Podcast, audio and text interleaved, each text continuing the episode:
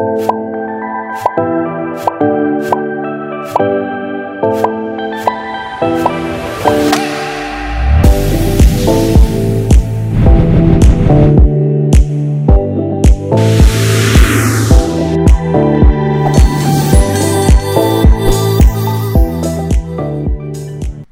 och välkomna till Bibeln Idags podcast. Jag heter Magnus Wingård och med mig är en känd herre. Olof Brandt. Vi har ju sådana här avsnitt ibland där vi liksom växlar lite vem som leder podden Ja, utifrån... eh, Ja, det är ju så det är. Eh, Precis. Dagens avsnitt här nu är ju med anledning av rapportsläppet som du har haft Olof. Mm. Och därför så ska vi så här inledningsvis. Jag tog med mig lite sprit här. Jag behöver sprita din hand för att i dessa coronatider så har vi ju fått lära oss nya sätt att eh, umgås. Ja, jo, precis. Vi försöker hålla lite distans. Men dagens rapport kräver en high five. Är det så? Bra jobbat! Ja, titta här. Det här var fint. Eh, Nu undrar säkert vissa vad i hela världen vi pratar om. Eh, Men det ska vi alldeles strax berätta för er. Vi kommer till det. Ja, precis. Det är ju faktiskt första gången vi kör också en videopodd. Det kommer Ja, vi nog det inte fortsätta med, men eh, Ja. vi hade ju studio här. Så vi kör den även för YouTube. Eh, så. Jag tycker det känns oerhört lyxigt och lite Ja. ovant. Ja, det är det. Det är det. Eh, Så vi börjar med sportfrågan. Hur känns det nu? Oh, ja men det, det känns bra, det gör det. Eh, vi har jobbat på det här i snart ett år. Eller egentligen så kan man ju dra tillbaka eh, klockan ännu mer. Alltså det är ju frågor jag funderat på i 10 år. Ja. Eller 15 år det. Hjälp vad gammal jag börjar bli. Eh, men... ehm, Säger han till mig. Ja, precis. Jag eh, mötte ju då här för att stanna i det internationella perspektivet eh, våren 2019. Mm. Och så gjorde vi en provworkshop i två församlingar eh, hösten 2019. Ja. Och så tog vi beslut i styrelsen att la- lansera då projektet som då nu har presenterats i en rapport här idag. Eh, det beslutet tog vi där i slutet på 2019 och så har vi jobbat med det hela 2020. ja. Jag är så fascinerad för att eh, som sagt du, du brinner ju för de här frågorna och du har funnits i huvudet länge. Men det var som att helt plötsligt trillade saker och ting på plats. Ja, det var ju roligt. Det, det fanns utrymme att börja jobba med det också Ja. för Bibeln idag. Ja, du menar så? Ja, precis. Jo, men det var det. Alltså, eh, jag har ju mött alltså, väldigt inspirerande människor från, från USA och från andra delar av världen som har på något sätt hittat sätt att prata om de här frågorna som passar i USA eller i Storbritannien eller Tyskland. Och vi har liksom famlat lite. Vad kan vi göra i Sverige? Och så mötte jag då det som då eh, var det internationella Här för att stanna projektet. Here to stay heter det på engelska om ni undrar. Eh, och insåg att, men här, det här är ju och jag tror att det kan ha att göra med att det här är utvecklat till stor del av våra nyzeeländska vänner. Ja. Och märkligt nog så är Nya Zeeland ganska nära oss rent kulturellt. För det är ju lite fascinerande. Ja, ja.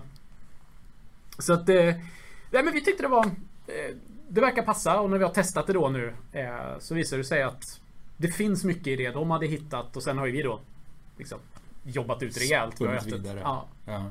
det här året. Har, har, ehm, alltså har, har processen flutit på under året eller har det tagit stopp ibland? Har det känts som att, liksom, vad blir det här i slutändan? Eller såg du hela vägen vart det var på väg?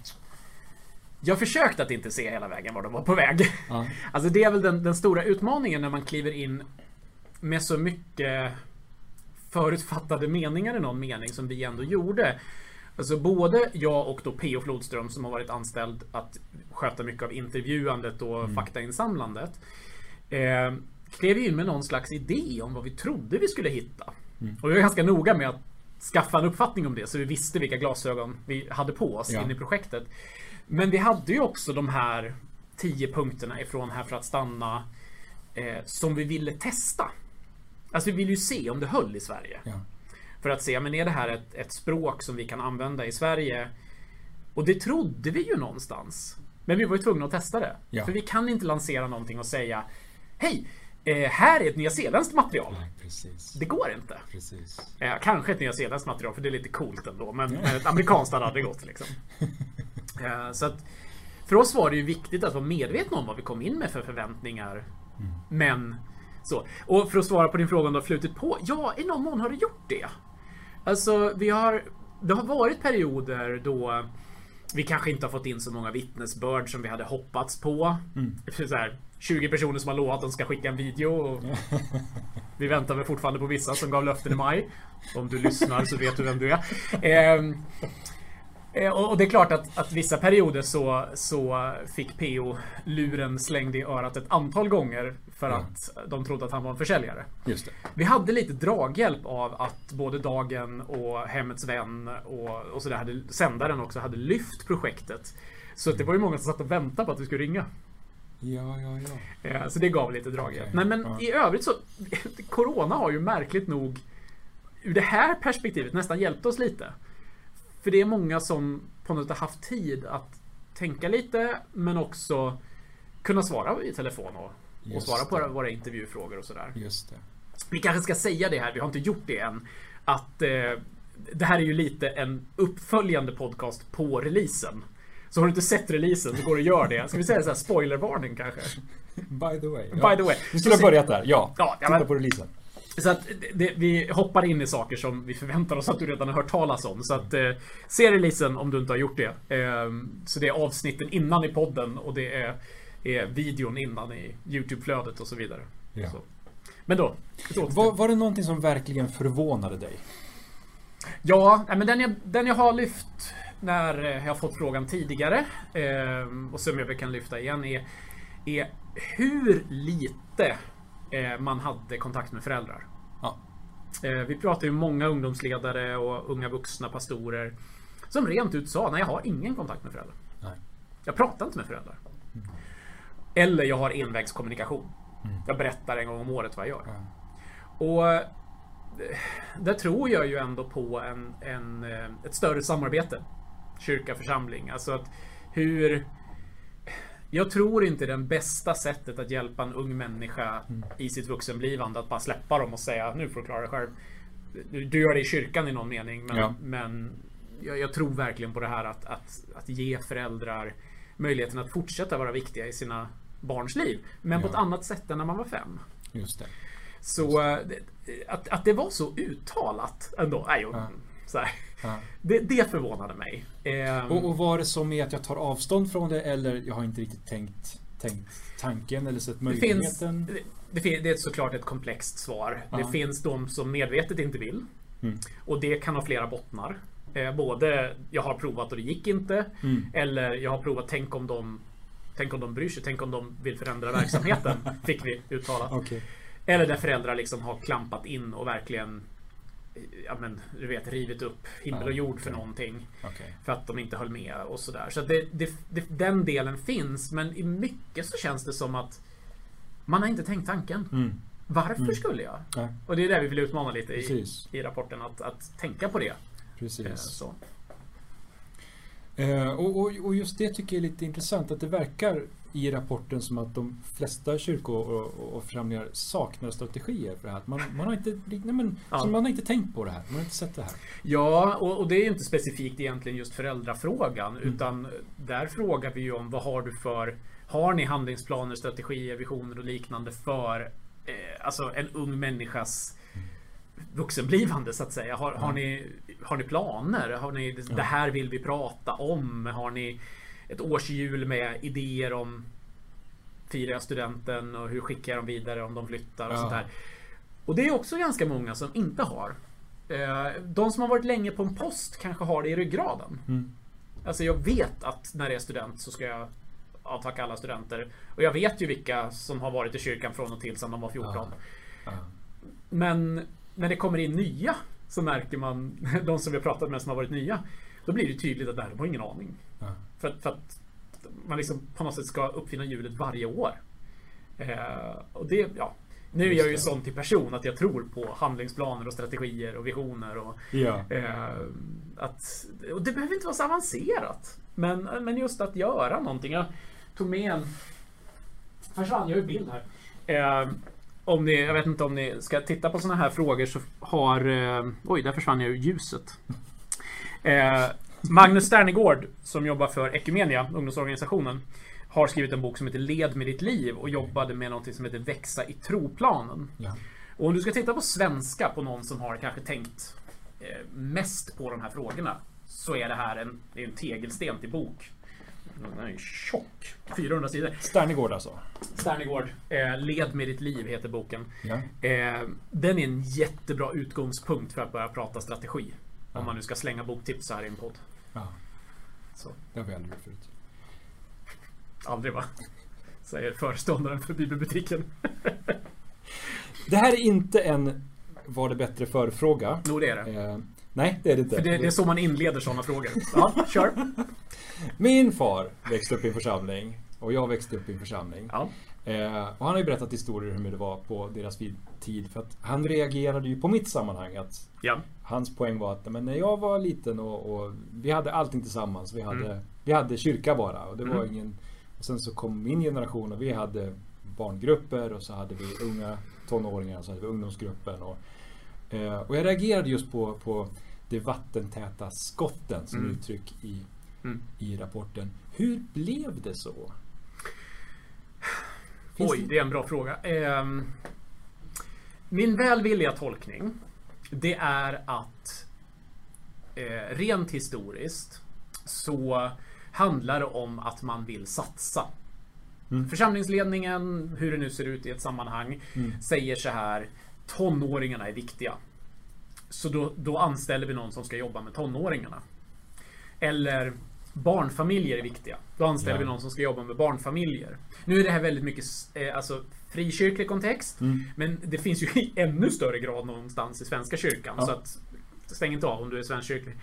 Men det som händer då, och det här är ju en sån här Jag älskar ju att församlingar säger Vi vill satsa på 10-12-åringar.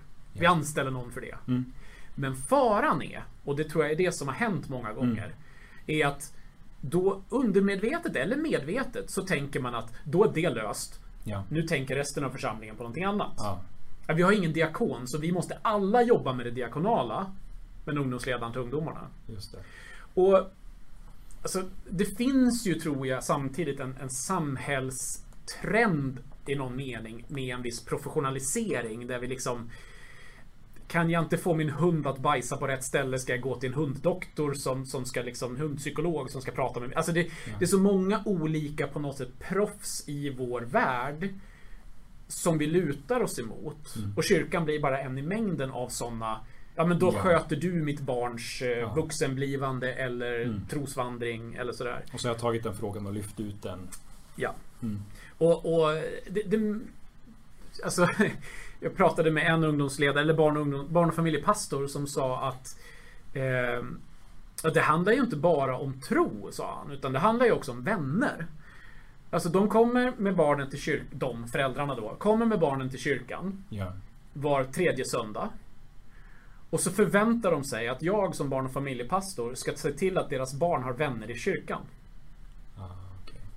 Och den tog tag i mig. Ja. För att det är klart ingen, eller ja, ingen, men få bygger ju en djupare vänskap på vi ses i en stor grupp var tredje vecka. Ja. Och så är det, så hamnar man i ofas, så då träffas man var sjätte vecka och så ja, det. förväntar man sig som förälder att ja, men det är klart kyrkan ser till att mina barn får kristna vänner. Medan han då försöker säga, men ska ni, är det det som är viktigt för er, vilket det är? Ja. Ja, men då kanske ni måste träffas på fritiden. Har ni en bönegrupp ihop? Hur kan ni göra så att relationerna det. kan växa? Alltså, så att det är det här återigen samarbetet mellan Ja. där man lite grann kapitulerar som förälder ibland. Men det är lite intressant också för att och jag menar verkligen inte att kyrkan är en förening som alla andra men, men jag tror inte att föräldrar skulle förvänta sig någonting sådant av pingstföreningen. Eh, att om jag tar hit mitt barn var tredje vecka så, så Nej. hittar de kompisar här. Fast å andra sidan så... För, ja, nej, det är klart. Jag, jag tror att man kan ha viss social förhoppning på även pingisföreningen. Eh, eller att han blir en lagspelare, min son, om han eh, går och gör det här eller vad det nu kan vara. Eh, eller den fysiska aktiviteten löser de ju. Eller så Mm. säger man sig det istället för att ja, men, det som kanske är bäst för en ungdoms här, fysiska utveckling är vardagsmotionen. Mm. Men då behöver jag inte bry mig om motionen utan jag släpper barnet på pingisen en gång i veckan och så löser sig motionen. Ja. Och så, återigen lämnar jag över ansvaret i någon mening. Så att jag tror att det finns på andra ställen, även om det är andra saker vi förväntar sig att de löser. Mm. Så. Hur kom vi in på det? Vi, vi hade, en annan ingång va? Men, Ja, en ingång. Vad vet jag? Fria- Jag bara intervjuar. Ja. Och apropå det. Eh, två stycken grundstenar, Mm. åtta stycken byggstenar. Jajamän. Hur hittar du de här? Ja, det här är ju alltså då eh, forskningsresultatet egentligen från Here to Stay. Alltså den internationella forskningsstudien som gjordes i Scripture Union. Eh, och då det man gjorde var att man gjorde lite grann som vi har gjort egentligen. Vi har, man har läst forskningsrapporter, man har intervjuat de människor. Det här är ju gjort i flera länder. Jag sen nämnde Nya Zeeland och Australien men det är också liksom i, i hela Scripture Union finns ju i är det, 140 länder eller någonting. Ehm, och då kom man fram till det här bygget så att säga. Med två stycken grundstenar som är det som dyker upp i stort sett i all forskning. Ja. Eh, och det är ju då att familjen är viktig. Eller lika bra att säga det igen. Det handlar om vårdnadshavare, familjen hur den än ser ut. Det spelar ingen roll egentligen, kristna inte. De är otroligt viktiga i formandet av ett barn. Och genera- relationer över generationsgränser. Och nyckelordet är relationer, inte Ja. bara generationsgränser. Ehm, och det, det ser de, det genomsyrar liksom hela resten av bygget. Så. Mm. Och de andra tio då till, om man tar ett exempel så, vara med och tjäna. Alltså att komma i tjänst i en församling, att få bidra med sina gåvor. Mm. Får du göra det så är sannolikheten större att du stannar. För att man blir uppmuntrad och man får växa. Och... Precis, och du får betyda någonting. Ja. Alltså för den här generationen att betyda någonting är väldigt viktigt. Eh, det är viktigare än för tidigare generationer säger Okej. forskningen. Eh, Okej. Att få bidra, att få vara viktig. Eh, det här är Greta Thunberg-generationen liksom, som, som vill göra skillnad. På, Ja, ja, ja. ännu lite mer än tidigare generationer. Ehm, Men om vi då tar den, så hur gör man det? Jo, du som familj kan ju vara med och tjäna. Mm. Alltså vi kan göra saker tillsammans och visa att det här är viktigt och, och liksom börja hjälpa in. Men också tjänandet i kyrkan behöver ju vara relationsskapande, generations... Vi har börjat utmana en del av det här projektet är ju i samarbete då med Korskyrkan Uppsala, en EFK-församling. Och där har vi börjat utmana tanken Kan vi få ett lärjungaträningsperspektiv på alla team i församlingen? Okej. Alltså, är du med i lovsångsteamet är du inte bara med för att du spelar gitarr, utan du är med för att det här är en grupp där du tränas till att bli en lärjunge. Du får se hur vi ber tillsammans, du får vara med och tjäna, du får en relation till äldre eh, och så vidare och så vidare. Ja. Eh, men även så här, ljudteknikerna. Så hur kan du som ledare för ljudteknikerteamet se till att du skapar relationer till de andra ljudteknikerna så att det inte bara handlar om var tredje torsdag ska du vara här. Punkt. Ja. Liksom oavlönat arbete. Va? Eh, och då blir det ju det här. Då behövs ju de två grundstenarna för att det här ska verkligen Men betyda det, något. Det är ett jätteintressant tänk. För att annars upplever vi i många kontexter att det man, det man har för ungdomarna det är att men vi kan träna till att bli ledare. Ja, Det absolut. finns, ett, det finns möjligheter att bli ledare. Och, och vill man då inte bli ungdomsledare så då, då har vi inte riktigt Nej. någonting. Här, det här blir ju någonting helt annat då. Ja. Och det, det är där vi, vi tänker att det, det är klart att, att ledar alla kan i någon mån någonstans vara ledare för någon. Det är klart att man kan driva den tesen. Men det är ju tydligt så att eh, hamnar du i en ledarroll, det har man sett i undersökningar också, så stannar du i högre grad. Mm. Men de som inte blev ledare, vad hände med dem? Ja. Och, och just då att hitta andra relationsskapande grupper, lärjungatränande grupper. Eh, som inte bara bygger på att jag har några kompisar jag träffar en fredag. ja. Utan där det får bygga framåt. För det är det som eh, vi har sett i, eh, i en del intervjuer att man, man är jätteduktiga på att bygga en social samvaro. Mm. Och, eh, men det bygger så hårt på kanske en ungdomsledare. Mm. Eller den här lilla gruppen med kompisar. Ja. Och om du inte får någonting annat. Ingen liksom apologetik eller träning i eh, ditt egna andaktsliv, komma igång Mm. med bibelläsning eller andra sådana här byggstenar som kan Mm. vara bra i ett kristet liv. Mm. Och så flyttar du. Då har du inte kvar det sociala sammanhanget. Just det. Du har ingenting som liksom driver dig till att fortsätta. Mm. Och det, det är en av de vanligaste orsakerna som vi ser till att, till att vi tappar Ja. unga. Och, och är det också någonting som, som kyrkorna generellt inte ser? Att man plockar upp de här människorna som flyttar? Jag tänker som att Ja. vi, vi befinner oss i Uppsala till exempel, dit det kommer studenter varje år. Jo men så är det. Alltså, jag fascinerades över det. Eh, Jag pratade med mina kollegor då i Korskyrkan. Det är ju så den största EFK-församlingen i stan. Eh, Vi är liksom en stor universitetsstad. Det Mm. kommer jag vet inte hur många tusentals det är varje år. Mm. Och jag tror att i år hade vi en pastor som hörde av sig och sa min tonåring flyttar till stan. Ja. Och jag vågar lova att det är fler än en som Ja. har flyttat hit. Ja, ja. Och, och det, det är såna enkla... Jag såg Equmeniakyrkan hade... Jag vet inte hur det har funkat. Jag har inte fått svar på det tyvärr. Så jag, jag vet inte om det här är en succé eller, eller bara inte är igång än. Eh, men de hade någonting de kallar för flytthjälp. Okej. Eh, där de då skriver på sin Facebook-sida att vi, vi kommer inte att bära kartonger.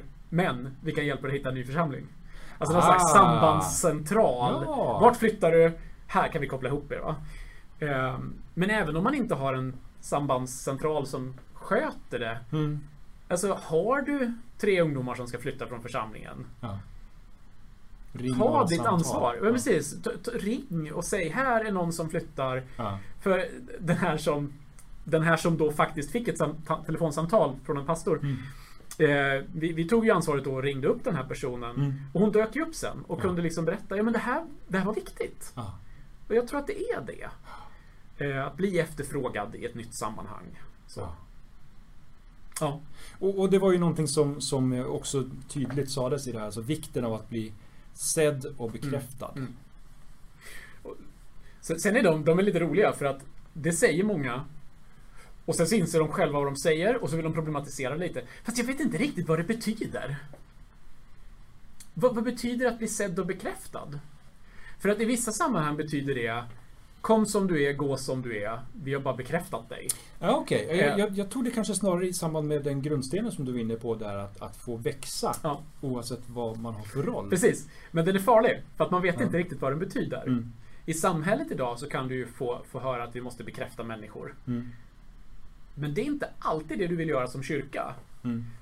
Så, att- så att det är en sån här, ja, alla behöver bli sedda. Ja, alla behöver bli bekräftade. Mm.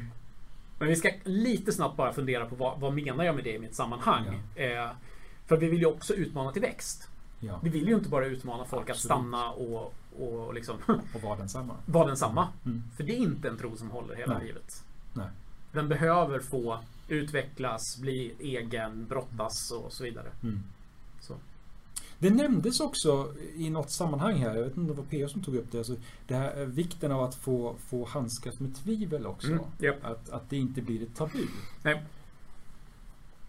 Både tvivel, eh, svåra bibeltexter, men också att brottas med sitt sammanhang.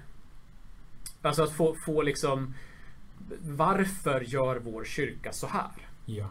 är också en sån sak som kommer upp. Alltså att du, lever du i en miljö där du inte får ifrågasätta ditt eget sammanhang. Och när jag säger det menar jag inte att du ska ställa dig upp på församlingsmötet och skrika jag tycker ni gör fel. Mm.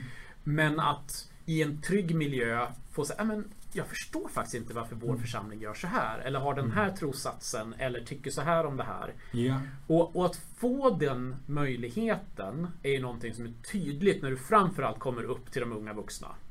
Alltså efter studenten någon gång. Ja. Att, att få den här möjligheten att, att tron får bli på allvar.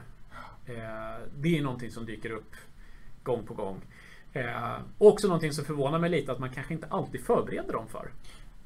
Vilket är lite märkligt för det är ganska självklart egentligen att i, Ja. i, den åldern har man, man har studerat ganska länge, man har stötts blötts mot andra människor och, och sett andra uppfattningar. Och livet plötsligt förändras. ja. Jag ska bo själv. Ja. Jag ska, alltså hela... Så. Ehm, ja. Så det är ju någonting som återkommer både bland de som har lämnat, eh, vilket vi då inte har hårdstuderat, så det här är mer anekdotiskt verkligen. Men just det här att, och de som då stannar kvar, att de som har lämnat fick inte svar eller fick inte ta upp samtalet. Och de som har stannat kvar fick den möjligheten. Kanske inte med det svar de ville ha. Men de fick möjligheten att förstå. Ja. Och det är ju viktigt här också att, att se att det inte det handlar inte om att anpassa kyrkans alla trosdogmer till varje 18-åring som kommer. Mm, mm. Men det handlar om att kunna sitta ner, ta tid, vara förtrolig, ta deras frågor på allvar. Ja. Och jobbar du som ungdomsledare eller ungdomspastor eller församlingsföreståndare under en lång tid så kommer det vara samma frågor som återkommer så du får ju fila på dina svar. Ja. Um, vi, vi, vi är människor allihopa och Mm, så är det. Ja. Eh, Jag är ju inte bara styrelseledamot i Bibeln idag. Jag är också förälder. Mm. Eh, Och ur, ur den aspekten så tyckte jag att det här var oerhört uppmuntrande att, att läsa ändå just om men föräldrars vikt Mm. i sammanhanget. Men min fråga blir, eh, om jag ska försöka sammanfatta den. Jag har, jag har barn både i kyrkan och utanför kyrkan. Mm. Vad ska jag tänka på? Allt. Nej men jag, jag skulle säga att den, den första saken eh, Nu vet jag hur gamla dina barn är eh, Så därför kommer jag svara utifrån det men Jag nämner det i rapporten och jag tror att det är en viktig Viktig sak, för det har jag märkt när jag pratar med föräldrar. Och det är att förstå sin förändrade roll genom uppväxten. Jag gör det med ett superenkelt diagram. Som är väl sådär vetenskapligt kan man väl säga. Men där helt enkelt, där du från början har du allt att säga till om som förälder. Det är du som bestämmer när barnet äter, när barnet byts blöja på. Ja. De kan skrika och, och försöka säga till och i någon mening så styr de ju familjen. Men, men det är fortfarande, du har all makt. De, de har ingen chans, du bär med dem. Och sen ju äldre de blir så minskar din makt. Och många gånger när jag möter föräldrar i 15-årsåldern, eller som har barn i 15-årsåldern, så, för, så säger de jag har ingen på, jag kan inte påverka min son längre, eller min dotter. Jag har ingenting att säga till om. Och det de menar, det är att de har förlorat makten. I någon mening. Ja. Och där menar jag att det du behöver är att en annan del av din liksom påverkansmöjlighet på ett barn eller hur man nu ska uttrycka det. Alltså di- ditt inflytande, din möjlighet att föra liksom Mm. trossatser vidare och sådär. Det är att när barnet är som minst så är det ju inte mycket till relation. Nu, nu är det pappa som talar här. Jag är Till- tillhör de där som, som fortfarande inte riktigt förstår de där allra minsta som inte ens liksom kan titta på när det ler. Eh, nu skrattar min fru om hon lyssnar. Eh, nej, men eh, ju äldre barnen blir så har du en större och större chans att få ha en, en, en relation med barnen. Ja. Och i takt med att din makt minskar så höjs din möjlighet att ha ett relationellt inflytande. Ja. Där du kan få vara Alltså i 15-årsåldern kanske det handlar om att du får vara den som får ta emot deras sorg efter första pojkvännen. Eller att, att få, att, att, ba- bara en sån sak som att du sitter hemma och läser Bibeln. Ja. Det är någonting som faktiskt har forskats på, det är lite kul. Som visar att men, i, i ett hem där man faktiskt vi, tydligt visar sin tro genom Ja. att jag läser min bibel. Så gör det skillnad för barnet. Okej. Eller tonåringen då. Okej. Eh, för Alltså, inte att jag läser för barnen, Nej, nej, nej. utan att jag läser För min egen del. Ja. Och det, det är de sakerna som jag måste liksom ställa om hjärnan lite grann och tänka att okej, vad har jag för typ av inflytande nu? Det ser inte likadant ut. Men jag har fortfarande stort inflytande. Det finns ju något sånt där gammalt skämt att när när, när, sonen är 16 så är pappa den dummaste människan på jorden. Och när han är 20 så, eller 25 så bara oj vad pappa har lärt sig mycket på kort tid. Ja. Eh, och, och, och, det ligger någonting i det där va? och det är en process som bara måste få, få ha sin gång. Mm. Men du kan fortfarande öva på eller liksom leta efter relationen och på Ja. så sätt få vara viktig. Ja. Sen ska inte du ersätta deras vänner, du ska inte liksom bli deras, ja, det är mycket sånt också. Mm. Men, men jag tror verkligen på att, att inte liksom bara släppa bollen och gå. Mm. Utan jag har fortfarande möjlighet. Hmm. Bra svar. Vad, vad hoppas du på nu? Nu är rapporten släppt. Vi, vi börjar se reaktionerna och än så länge så är reaktionerna fantastiska. Mm. Väldigt goda. Vart tar det här vägen? Om jag får drömma Ja. så ehm, ser vi i ja, i vår, nu beror det ju på hur den här hopplösa pandemin, vad den tar vägen. Men, mm. men låt säga när vi kan börja liksom träffas och vi kan börja ha ledarsamlingar och vi kan börja liksom lägga upp planerna för framtiden. Mm. Så hoppas jag på tio församlingar som, eh, som säger, jo men vi måste ju ta tag i de här frågorna. Vi, vi, vill lära oss det här språket som jag säger att de här tio byggstenarna är. Ett gemensamt språk. språk. Um, och vi vill försöka liksom verkligen ta tag Jag hoppas ju såklart på många fler, men om jag ska drömma utifrån vår horisont så ja. säger jag men det är tio församlingar som hör av sig. Ja. Jag hoppas på att eh, någon form, högskola, eh, universitet, tar tag i och, och, forskar på något av alla de områden vi pekar på. Mm. De som försvann, de engagerade som försvann eller de som bara gled mm. ut eller mm. andra sådana här saker. För Säga vad man vill om, om det här arbetet vi har gjort, men det är ju inte en forskningsrapport. Mm. Utan det behövs mer underlag. Ja. Antingen riktiga djupintervjuer här, på akademisk nivå eller större eh, helt enkelt kvantitativa modeller. Då. Mm. Så det hoppas jag på. Sen hoppas jag också på att, att det finns ju en rad frågor här som riktar sig ganska mycket mot samfunden i fråga. Alltså pingst, EFK och Equmeniakyrkan. Mm. Och jag hoppas ju att se hur den här diskussionen lyfts upp mm. på samfundsnivå. Mm. För där är också till viss del vattentäta skott. Okay. Uh, inte, inte helt, och, och, och, det är lite olika beroende på vem man frågar. Men det finns ändå, alla de här har liksom sina ungdomsförbund eller ungdomsenheter. Yeah. Som inte alltid får utrymme att lyfta frågan upp på hela samfundsnivån. Liksom. Okay.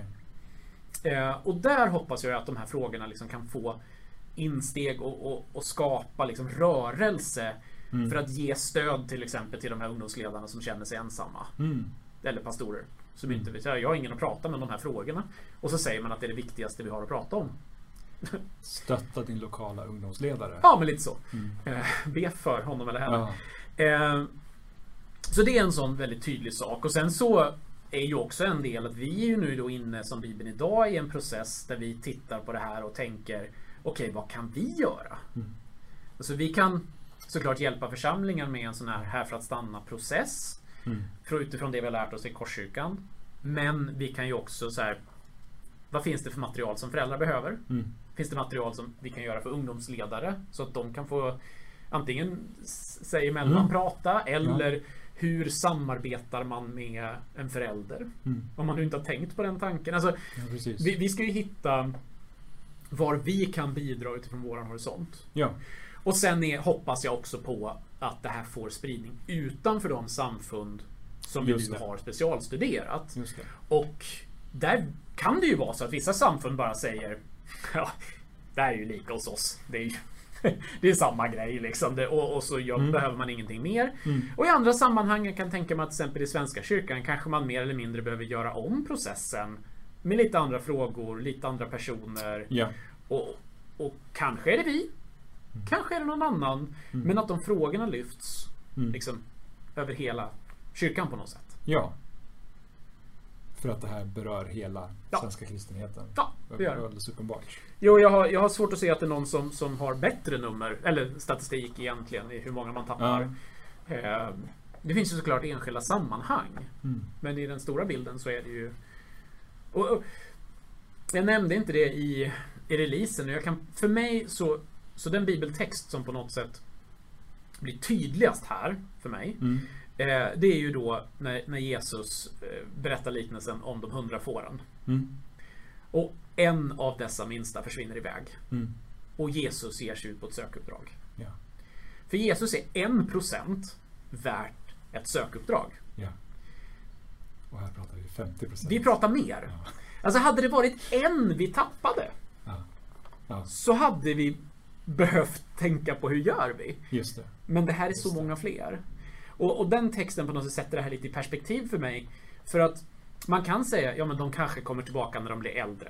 Mm. Eller några kanske fortsätter att ha en tro fast de inte går i kyrkan. Det. Och det är sådana frågor som är bra att diskutera och fundera kring. Mm.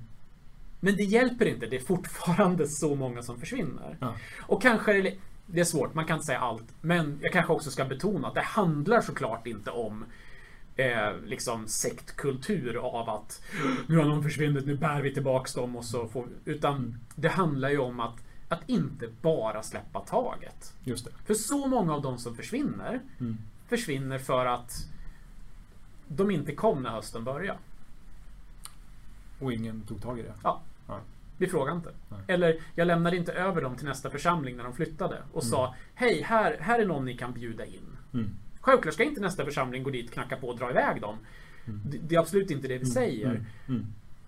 Men vi är inte i det diket. Vi är i det andra diket. Ja. Där det bara försvinner folk. Ja. Av olika skäl. Och där vi inte ens frågar efter dem. ja. Och, och Det- det, mm, är inte jag- riktigt Jesus. Och, och jag reagerade på uttrycket den inlörda hjälplösheten. Ja. Mm. På något sätt att det inte går. Eller bara inte... Ja, li- lite grann. Jag, jag, det, det, det, det är många år jag har jobbat med det här och ja, det går ju inte. Ja. Och då vill jag ändå säga varför. jag vill ändå ställa den frågan och jag vill framförallt ge möjligheter. För att många av dem som ger uttryck för ja men det här går ju inte. Ger det uttrycket för att de är ensamma. Ja.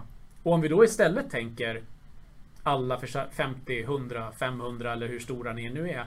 Om alla de församlingsmedlemmarna sluter upp bakom denna nedstämda ungdomsledare och säger. Du gör det du ska. Ja. Vi ska hjälpa till med resten. Ja.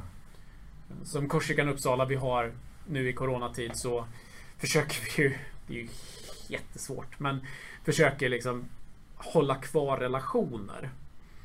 Så i omgångar så har vi gått igenom medlemmarna i församlingen och så Okej, vem ringer den här, vem ringer den här, vem ringer den här? Och så har Mm. man liksom en större grupp människor. För pastorn kan inte ringa alla.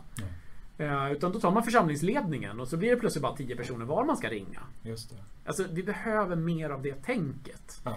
Ehm, Ja, vi, vi, vi pratar ju ofta om att vi är som en stor familj. Men, Mm. men det är inte alltid man ser det. nej, Så kan vi uttrycka det. så är det. Och, och ehm, ja, ja, jag behöver inte säga det. det. Det finns avarter av allting och det är såklart inte de vi förespråkar. Mm. Men om man, om man ska sammanfatta hela den här diskussionen så är det ju att det vi försöker göra med den här rapporten är ju att få till ett samtalsunderlag, en samtalsstartare i din församling. Mm. Och du kanske inte håller med om teologin i någon av frågorna som du, ja här syns det minsann att de är någonting. Jag vet inte Ja. vad man ser att jag är men eh, Det hade ju sig varit spännande att se en sån analys men Men det är inte det som är poängen här. Nej. Utan jag tror att i ditt sammanhang har du också ungdomar som försvinner vare sig hur du än definierar tro eller så. Mm. Och det är just det jag vill utmana alla att ta en funderare kring. Alltså, okej, vad kan vi göra då? Ja. Och kan vi jobba med familjen? Hur kan vi jobba med, med den sociala gemenskapen? Hur kan vi jobba med de här Birkedals tre ben som vi nämner i Mm, rapporten visst. och sådär. Eh, Jag, jag tog också åt mig av den allra sista frågan som ställs i rapporten. Eh, Just det att vi alla har på något sätt, vi har vänner eller vi har människor Mm. som vi hängde med i, i kyrkan vid något tillfälle som inte längre finns kvar. Ja. Och, och vad, vad, har, vad har jag gjort med det? Mm. Eh, det är också, här kan jag jag behöver inte gå längre än till mig själv och tänka att ja, men jag kan faktiskt sträcka Mm. ut den här mot några stycken och bara ställa en fråga. Ja. Och där är ju någonting vi har sett. Alltså en av anledningarna till att vi inte gav oss in på de som försvann. som vi eh, har kallat det hela vägen. Eh, är att det är en svår grupp att nå. Ja. Eh, det, dels gick de inte till samma ställe. Mm. Men också, det finns så många som vi kallar konstruerade berättelser. Jaha, du var med i kyrkan när du var liten. Varför gick du? Och då får du ett spontant svar. Okej. Ganska ofta. Aha. Men det svaret är sällan den fulla förklaringen. Mitt favoritexempel är en, en som lämnade eh, utav de som var i, i ung- ungdomsgruppen när jag då jobbade som ungdomsledare. Mm. Jag träffade henne många år Mm. senare och så frågade jag då vad, vad hon var och hon var inte kvar i tron och sådär. Mm. Och då frågade jag just varför, vad var det som gjorde att du lämnade? Mm. Och då sa hon det att, eh, hon använde lite grövre ord men hon sa att ja men det är ju för att kyrkan hatar homosexuella. Jaha, sa jag, men okej. Men du vet att stan du har flyttat till har ju liksom flera församlingar som, som viger homosexuella och där, där det inte är några som helst problem. Mm. du hade inte kunnat gå dit liksom? Ja, jo, kanske. Och så ställde jag den avgörande frågan. Så, men om, om vårt sammanhang hade då vikt homosexuella i, i det där fallet. Mm.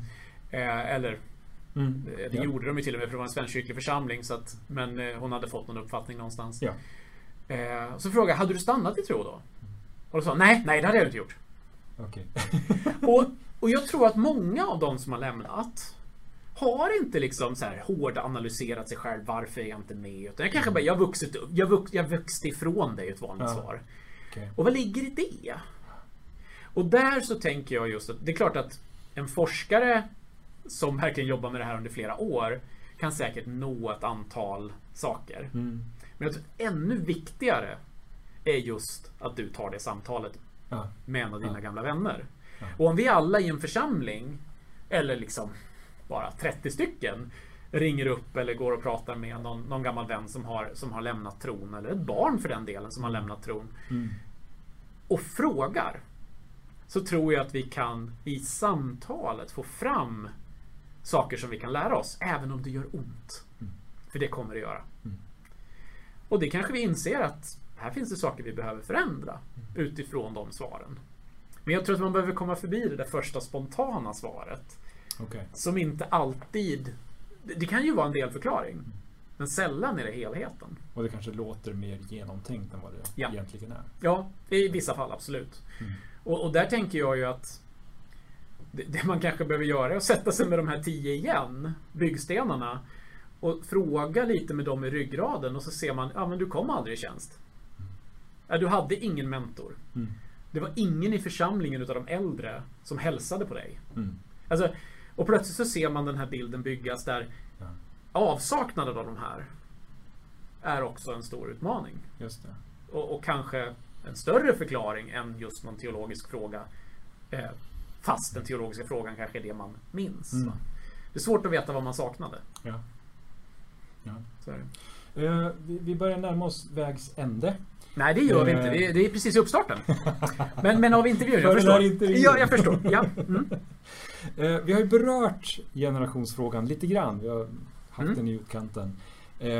Och, och jag är den sura gamla gubben här och du är den ungdomlige, positive, driftige människan här. Min, min fråga är så här. Hur ser du på kyrkans framtid? Ja, det beror på när du frågar höll jag på att säga. Ehm, Det finns stunder längs den här processen då jag har varit ganska nedstämd. Ja. Då jag inser att oj vad stora de här frågorna är och vad komplexa svaren är. Ehm, Man skulle ju så gärna vilja ha ett svar som säger bara ni sjunger den och den lovsången varje fredag så är det lugnt. Eller köp en rökmaskin så löser det sig. Eller ta bort lovsången och sjung 1800-tals eh, salmer så löser det sig. Eller vad det nu är. Ja. Det tycker jag man nästan kan ana i intervjuerna. Att när man tittar på sitt eget sammanhang så är gräset grönare på andra sidan. Om vi bara fick. Eller om vi bara sträckte oss åt. Ah, okej. Så de som inte har rökmaskin vill ha det och de som har rökmaskin säger att ja, det är lite problematiskt för att vi når aldrig på djupet och så. Ja. Just det. Det. Eh, så det finns stunder där jag känner så här, oj hjälp. Eh, och samtidigt så ser jag ju då att när man tittar på på eh, men till exempel de här tio byggstenarna då. Så ser jag att här finns det ju väldigt handfasta saker att ta tag i. Mm. Och ett antal av intervjuerna vi har haft så inser jag att de här lyckas ju mycket, mycket bättre än genomsnittet. Ja. Och vad är det de gör? Eh, jo, det handlar ofta om eldsjälar. Det handlar om att de mer eller mindre genomför de här alltså, utan att de visste att det var det de gjorde. Ja. Ehm, och, så, så att de perspektiven finns och den mänskliga sidan av resonemanget. Och samtidigt så någonstans så litar jag också på att ja, men, Gud har ju han är fortfarande allsmäktig i det här. Ja. Eh, och Gud har ju en plan. Även om jag inte alltid förstår den och även om jag kan vara frustrerad över att han inte gör mer för att liksom Han om någon borde ju kunna lösa det här liksom. Eh, men det är ju den där brottningen man som kristen hela tiden är i. Mm. Eh, Att be som om som om Gud fanns höll jag på att säga och arbeta som om han inte fanns mer eller mindre. Nej, men så här, vi ska göra så mycket vi kan. Och sen måste Gud göra resten. Och någonstans så måste jag jobba och vila i det då. Ehm, Så jag, om jag skulle liksom ha en så här känsloskål här, en känslovåg, så är jag mer positiv än, än negativ. Men jag ser också att det finns stora utmaningar. Mm. Och framförallt när man pratar med vissa församlingar som har lite av den här det går inte, vi har inga ungdomar. Det är liksom... Mm. Då är klart, då känner man ju med dem. Alltså det, Absolut. det är ju... Det är, Absolut. Ju- man går ju inte från ett sånt samtal och känner Yes! Det går bra för kyrkan i Sverige! Liksom. Ja. Eh, så. Ja. Och samtidigt kan jag säga, bara som en sån sak, jag träffade styrelsen och församlingsledningen, som det heter i Korskyrkan Uppsala. De som på olika sätt styr församlingen igår.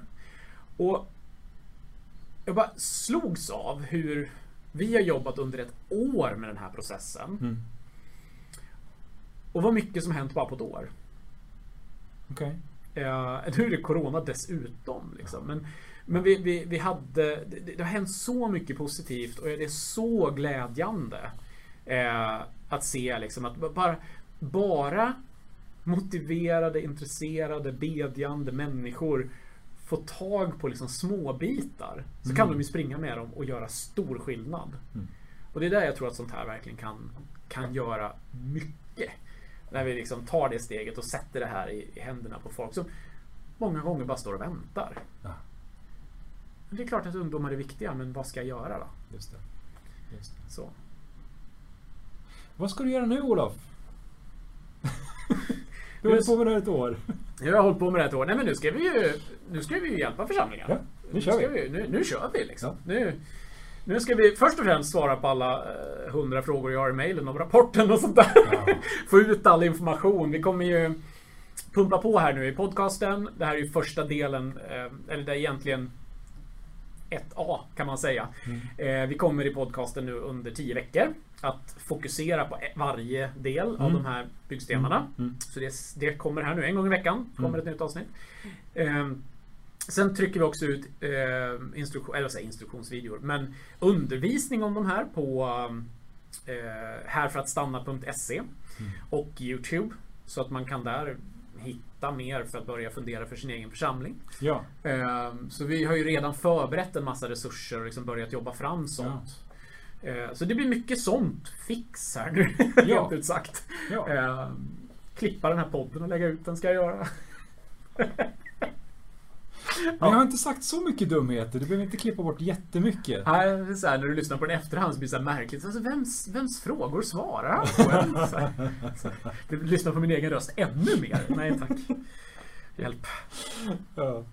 Eh, Det har varit otroligt roligt att få följa det här arbetet Mm. under det här året. Jag befinner mig verkligen i, i epiferin men jag har fått, fått läsa en del och det är verkligen superintressant Mm. och så, så viktigt Mm. Att vi tar tag i det här. Ja. Verkligen. Eh, och som du var inne på, har ni nu frågor, vill Japp. ni ha kontakt? Bibelnidag.org och vi finns på Youtube, vi finns på Facebook. Var finns det mer? Finns på Instagram där vi också kommer lägga ut lite resurser. Eh, ja, men annars är det ju härförattstanna.se och bibelnidag.org som är huvudkanalerna. Ja, Eh, det är ju podden då. Eh, den här videopodden, om det nu bara den du har sett. Så sök i din podcast-app eller på podcast.bibelnidag.org så har du ett helt arkiv med snart Mm. 200 avsnitt. Eh, otroligt mycket bra material. Ja, det finns jättemycket bra där. Eh, jättemånga intressanta samtal. Eh, så, ja, överallt höll jag på att säga. Söker du på Bibeln idag så får du en hel uppsjö med saker. Det var det här, du orkade inte gå igenom det här i föreläsningen så du bara googla. Men jag säger det ibland, det är så här. Här, nu skriver vi alla upp min e-postadress. Så här, men alla vet hur man googlar mig. Det enda jag brukar säga ibland är att passa dig för det finns en Olof Brandt till. Ja, Och han brukar bli lite förvånad när han får frågor om saker som jag har jobbat med. Eh, han är nämligen professor i tidig kristen arkitektur i Vatikanen. Så han... Eh, eh, jag har hans bok hemma. Jag har blivit frågad flera gånger om jag kan signera den. Eh, av människor som tror att jag är honom. fantastiskt. Mm. Olof, du är här för att stanna. Det är jag. Jag är här för att stanna. Nu kör vi. Nu kör vi. Nu går vi hem. Nej, vänta nu. Nu är. Tack för att ni har tittat om ni nu har gjort det på Youtube. Eh, tack för att ni har lyssnat om ni har gjort det via podden. Vi får se om vi återkommer och har fler videopoddar framöver. Det kan väl bli så. Vi måste nog ha en fast studio då tror jag om vi ska orka. Vi kan inte bygga upp det här varenda gång. då. Jag gick ju bara hit och ställde mig så att jag orkar. Ja, du orkar. Det var ju fint. Eh, nej men stort tack. Det är ett fantastiskt stöd eh, faktiskt. Eh, det här när man både kommentarer och så man får när man är ute och träffar människor men också att, att veta att det vi gör eh, når ut. Så tveka inte att höra av dig både med positiva tillrop, frågor eller kanske till och med men hörni, hur tänkte ni här? Eh, så hörs vi av längs vägens gång. Mm. Tack.